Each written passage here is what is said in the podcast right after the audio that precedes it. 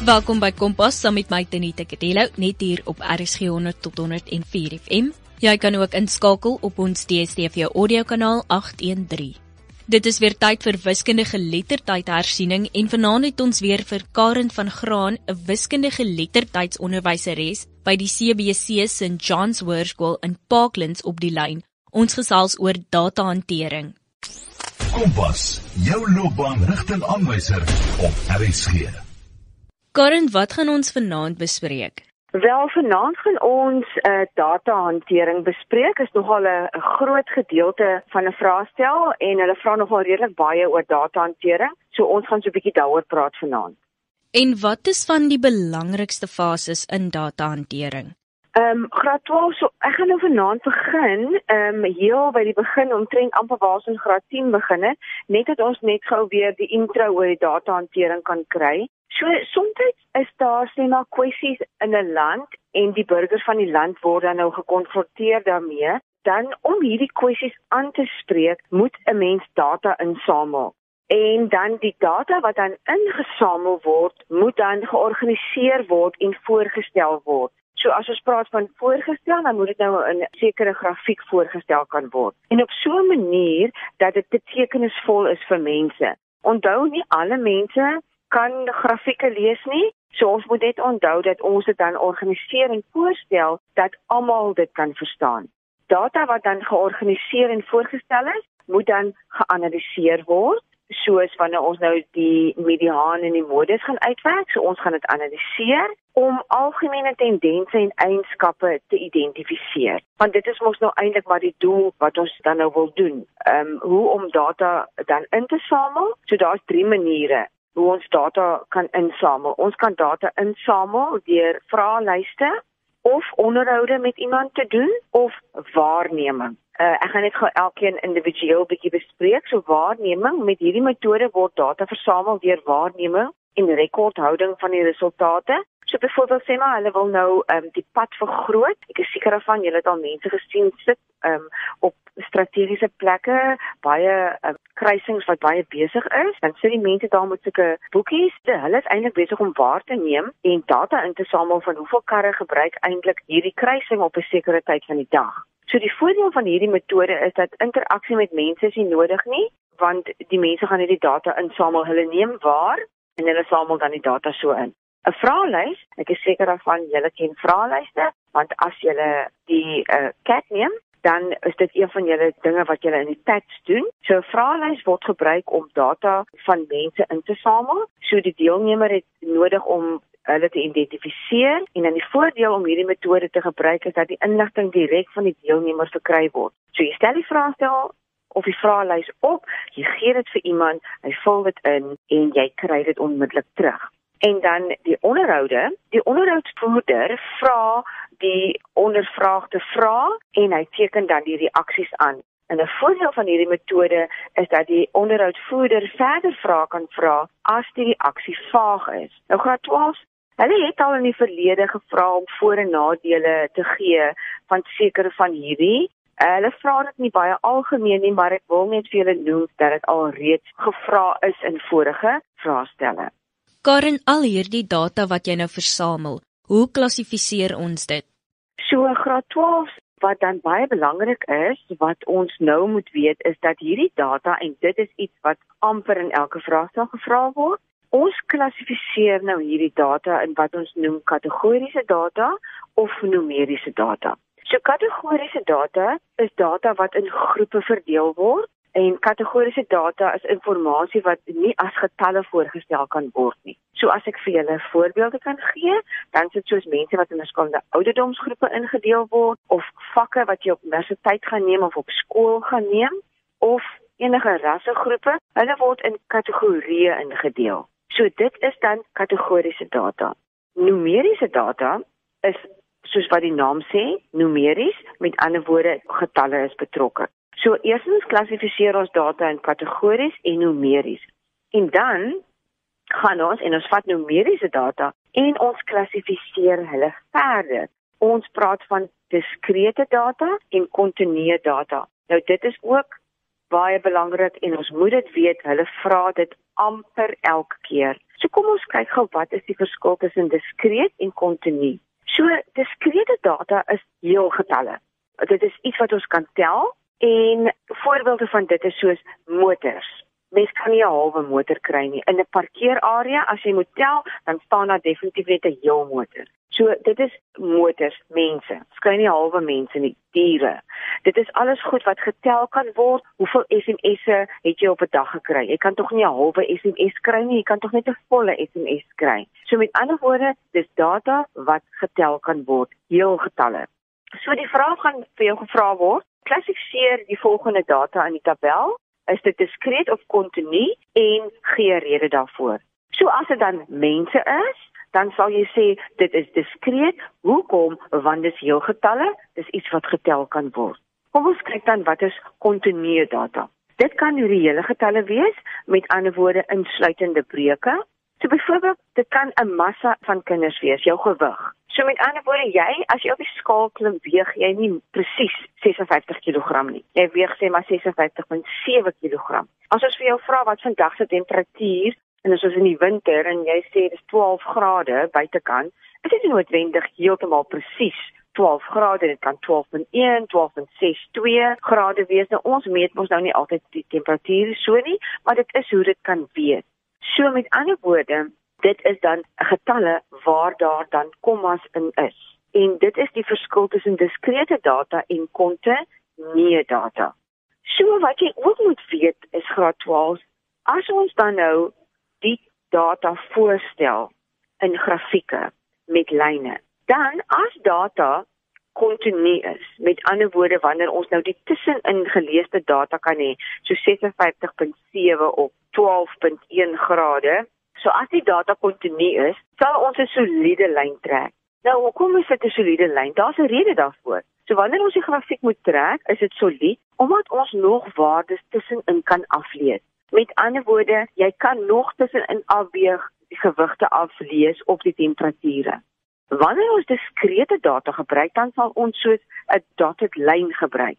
Hoekom dan?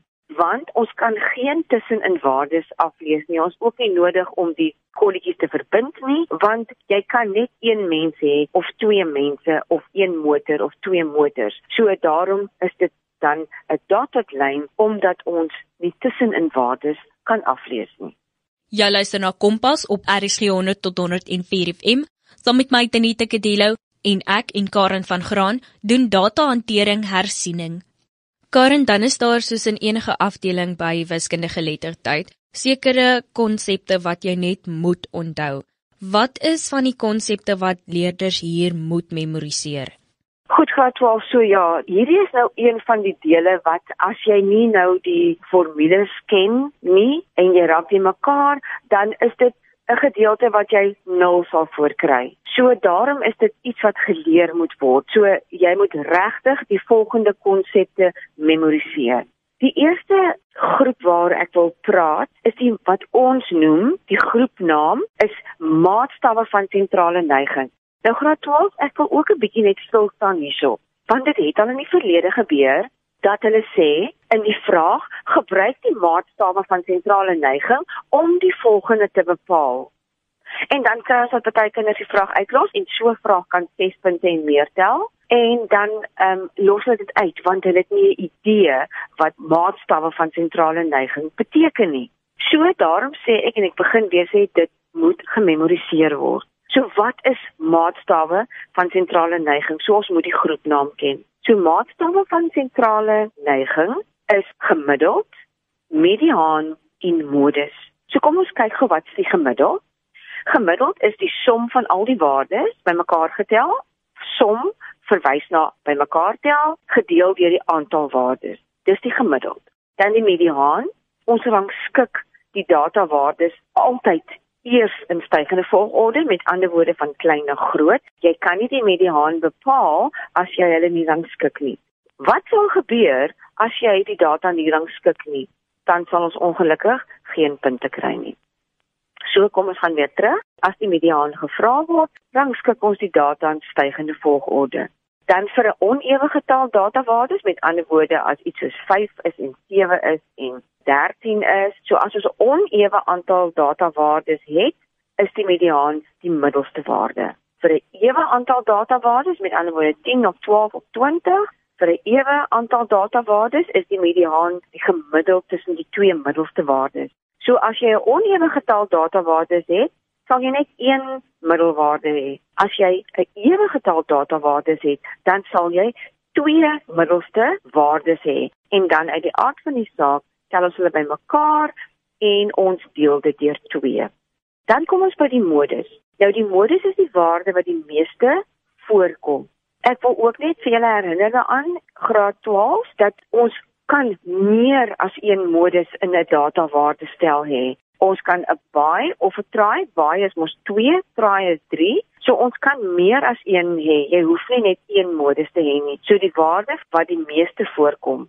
Dan wil ek gesels, dit is die eerste gedeelte wat jy moet memoriseer die maatstawwe van sentrale neiging, gemiddeld mediaan en modus.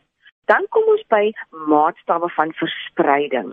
Wat is die maatstawwe van verspreiding? Dis die omvang of die variasiewyte. Party van julle praat van variasiewyte, party van die omvang. Wat is die omvang? Dit is die hoogste waarde in 'n datastel minus die laagste waarde in 'n datastel. Dan gaan ons die kwartiele, hulle is maatstawwe van verspreiding en ook die interkwartiele variasiewyte. Wat is dit nou weer? Dit is Q3 of kwartiel 3 minus kwartiel 1. Ons gaan nou-nou verder daaroor praat. Ehm um, en dan gaan ek aanbeweeg na die kwartiele wat deel is van die maatstawwe van verspreiding. Nou, die identifikasies of die ligging van die kwartiele, hoe gaan ons dit nou bepaal? So wat doen 'n kwartiel? 'n Kwartiel verdeel 'n datastel in 4 gelyke dele. Wat moet ons doen? Eerstens, ons rangskik die data weer in stygende volgorde en tweedens, verdeel of sny wat ook al hoe jou onderwyser vir jou verduidelik, die data in vier gelyke dele. So met ander woorde, die kwartiele is die snye tussen die verskillende vier groepe. So kom ek vat gou 'n voorbeeld. So ek wil net hê as jy miskien 'n papier of 'n pen naby het, kan jy miskien dit neerskryf. So as ons ons vat 'n klein data stel. So ek gaan vir jou sê ons sê maar vat 3 4 4 5 6 8 en 8. Alright, so dis die data stel wat ek gaan gebruik. So daar's 1 2 3 4 5 6 7 uh getalle in die data stel. Met ander woorde, dit is 'n onewe aantal data wat ek nou hier gebruik. En dan gaan ons nou bepaal die kwartiele. So nou gaan jy hom eers rangskik. Ons het hom ons nou gerangskik vir 3 4 4 5 6 8 en 8. Goed. Die middelste waarde in hierdie datastel is 5. So dis 5. Hy word kwartiel 2 genoem. Dit word ook die mediaan genoem. Dit is dan ook die 50ste persentiel. Wat doen die mediaan graad 12? Die mediaan deel ons 'n datastel in 2. Ons het nou net so 'n paar minute terug gepraat oor die maatstawwe van sentrale neiging en die mediaan deel ons nou die data in 2. So nou, met ander woorde, ons kry die middelwaarde, dit is 5. Hy word genoem kwartiel 2. Hy's die middelste waarde, hy's ook die mediaan, hy's ook die 50ste persentiel. Goed, nou gaan ons mos nou en ons gaan na kwartiel kwartiel 1 toe. Goed, so kwartiel 1 is 4. So let op ook dat dit is die 25ste persentiel. So wat ons dan doen is, ons gaan na die linkerkant van 5 en ons kry weer die middel van daardie gedeelte. Dan beweeg ons na die regterkant van 5 toe en ons let op dat 8 is kwartiel 3. So kwartiel 3 is ook die 75ste persentiel. 'n Mens kan praat van kwartiel 1 of die 25ste persentiel of die onderste kwartiel. Dan as ons na kwartiel 3 verwys, kan ons praat van die 75ste persentiel. Ons kan ook praat van die boonste kwartiel. So soms is die sny dan ook tussen twee waardes. So as ons dan nou 'n gelyke aantal of 'n ewe aantal datas gebruik, dan kan dit wees dat die sny as ons nou 'n ewe stel data gebruik, dan is die sny vir die middelste kwartiel of die mediaan dan gaan ons mos nou dit tussen twee waardes hê. So as ons dan nou 'n volgende stel data vat wat ewe is en as jy dit sou wil neerskryf vir 12, dan is dit 1 3 3 4 5 6 6 7 8 en 8. So ons het nou hier 'n ewe stel data. So wat ons nou gaan doen, graad 12, ons gaan weer die mediaan kry, kwartiel 2, die middelste kwartiel en dan gaan ons hom sny. So die middelste twee waardes is 5 en 6. Dan trek jy 'n lyn tussen 5 en 6 en jy werk aan die linkerkant. Dan sal jy sien 3, die tweede 3, so 1 en 3 en 4 en 5, die middelste 3 is dan kwartiel 1 wat ook die onderste kwartiel is. As ons dan beweeg na die regterkant van die mediaan, dan sal jy sien 7 is kwartiel 3 of die boonste kwartiel. So dit is dan wanneer ons met 'n ewe gestel moet werk en ons moet die kwartiele uitwerk. Onthou, iets wat belangrik is, ons moet kwartiel 1 kan uitwerk, kwartiel 2 wat die mediaan is, kwartiel 3 wat ook die 75ste persentiel is. Ons moet dit met ewe data kan doen met onewe data en dan moet ons ook die interkwartiele omvang kan uitwerk wat deel is van die maatstawwe van verspreiding. So wat is dan die interkwartiele omvang? Soos wat ons nou uitgewerk het, het ons mos nou 'n kwartiel 1 en 'n kwartiel 3 uitgewerk. So interkwartiele omvang is dan kwartiel 3 minus kwartiel 1. Ek wil net teruggaan weer na die maatstawwe van verspreiding wat ons die variasiewyte op die omvang uitgewerk het. Moenie deur mekaar raak met hierdie twee nie. Die omvang of die variasiewyte is die hoogste waarde in die gegee datastel minus die laagste waarde in die datastel. Waar die interkwartiele omvang is Q3 minus Q1. Met ander woorde, voordat jy die interkwartiele omvang kan uitwerk, sal jy eers jou kwartiele moet uitwerk. En dan Karen, jy verwys die heeltyd na persentiele. Wat is persentiele dan?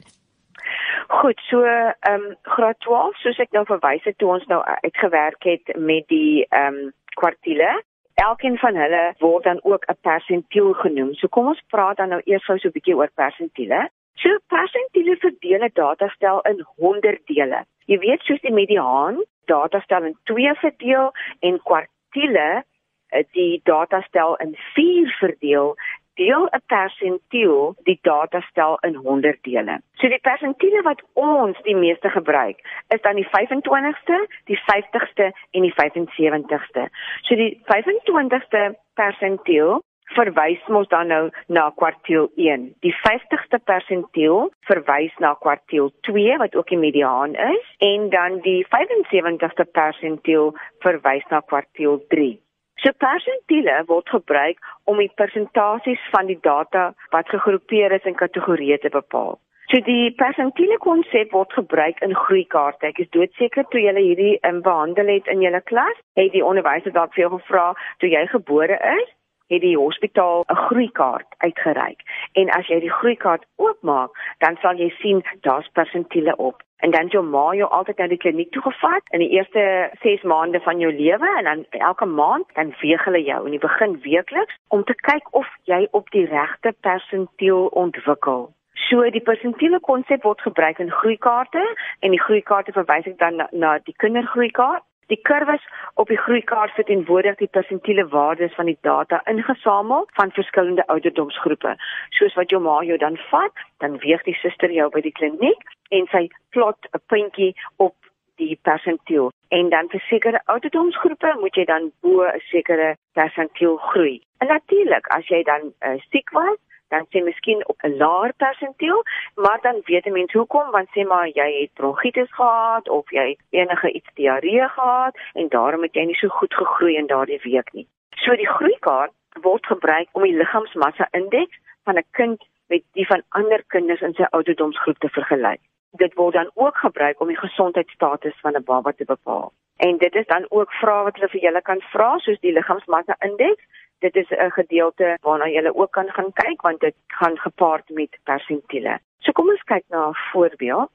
Uh, sê maar kan 'n mens punte uit 20 uitkry vir kinders wat uh, in 'n toets geskryf het en dan kan hulle vir jou vra om dan die persentiele vir jou uit te werk. Met ander woorde, hulle kan vir jou vra om die 50ste persentiel uit te werk en dan moet jy weet dis die middelste waarde. So die 50ste persentiel het eintlik drie name. Hy kan die 50ste persentiel wees, hy kan ook kwartiel 2 wees, hy kan ook die middelwaarde wees. So hulle kan enige een vir jou vra. Dan kan hulle vir jou vra om die 25ste persentiel uit te werk. Goed, wat dan ook kwartiel 1 is. Hulle kan ook vir jou vra om die 75ste persentiel uit te werk wat jy dan moet weet is kwartiel 3. So hulle kan enige van daai vir jou vra, so jy moet dan die verskillende name van hierdie ook weet. So as ons nou 'n voorbeeld kyk, kan hulle vir jou 'n tabel gee met toetspunte in. En hulle kan vir jou vra, die vraag sal lei, bepaal die 25ste, 50ste en die 75ste persentiele. Dan moet jy weet, dis kwartiel 1, kwartiel 2, kwartiel 3. Wat is die belangrikste ding wat jy moet doen? Jy moet hulle rangskik van klein na groot sodat jy dan die indeling kan doen van die kwartiele. Dan kan hulle vir jou vra om die interkwartiele omvang te bepaal. Kwartiel 3 minus kwartiel 1 En dan kan hulle ook vir jou vra maak 'n afleiding gebaseer op die persentiele in sê maar in vraag 1 oor of die toets maklik, gemiddeld of moeilik was. So hulle kan vir jou daai vrae vra en dan moet jy kyk, maar hoeveel kinders of wat was die persentasie van die kinders uit waar as die toets sê maar uit 'n uh, sekere punt getel het, sê maar 20 uit, dan moet jy kyk hoeveel kinders het miskien gedryf, en hoeveel in die 25ste persentiel, hoeveel was in die boonste persentiel, so as die meeste kinders miskien die toets gedryf het en daar was baie min in die boonste persentiel of uh, dan was die toets moeilik. As baie kinders baie hoë punte gekry het, dan was die toets miskien te maklik. Maar dit is wanneer ons die data gaan ontleed. Dan nog 'n vraag wat hulle kan vra is natuurlik is die data in die tabel diskreet of kontinu. Onthou, dan moet jy verstaan. So sê maar byvoorbeeld hulle gee verspring afstande in 'n tabel. So hulle gee vir jou miskien afstande soos 1.7 meter, 2.1 meter, uh 2.35, 0.9. Is die data dan diskreet of kontinu? Dan is die data kontinu. Hoekom? Want hulle het desimale, ehm um, kommas agter hulle. Of jy kan sê dit is nie heel getalle nie. Goed, dan sê hulle vir jou miskien ehm um, as slegs die top 25% van die atlete vir die finaal oorweeg word, wat sal die kwalifiserende afstand wees vir die finaal? So onthou, jy het nou 'n tabel met afstande van verspringatlete. Nou vra hulle as slegs die top 25% van die atlete vir die finaal oorweeg word, wat sal die kwalifiserende afstand wees?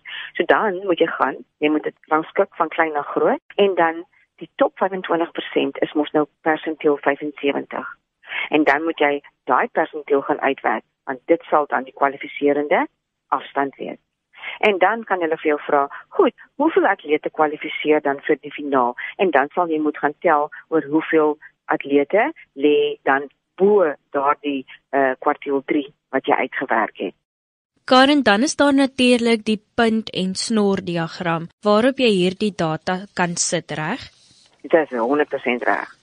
Graad 12 is nog 'n konsep wat jy die naam moet van ken en ons hoef nie die punt en snor diagram te trek nie, maar ons moet hom kan ontleed.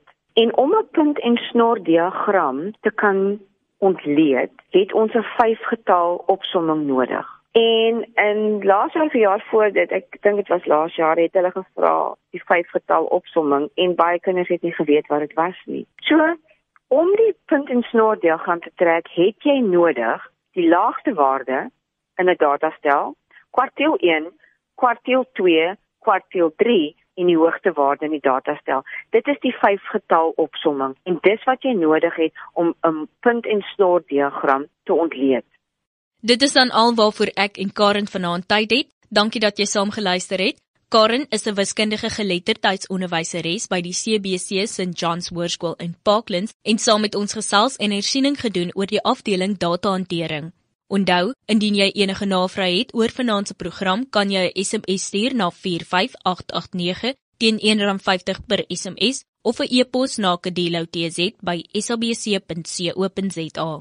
Jy kan ook die departement van basiese onderwys se webtuiste wced.eportal.co.za besoek waar daar talle studiehulpbronne en materiaal beskikbaar is. En laastens kan jy ook staatmaak op Boza Matrix en afrikaans.com wat hersiening tot binne in jou voorkamer bring.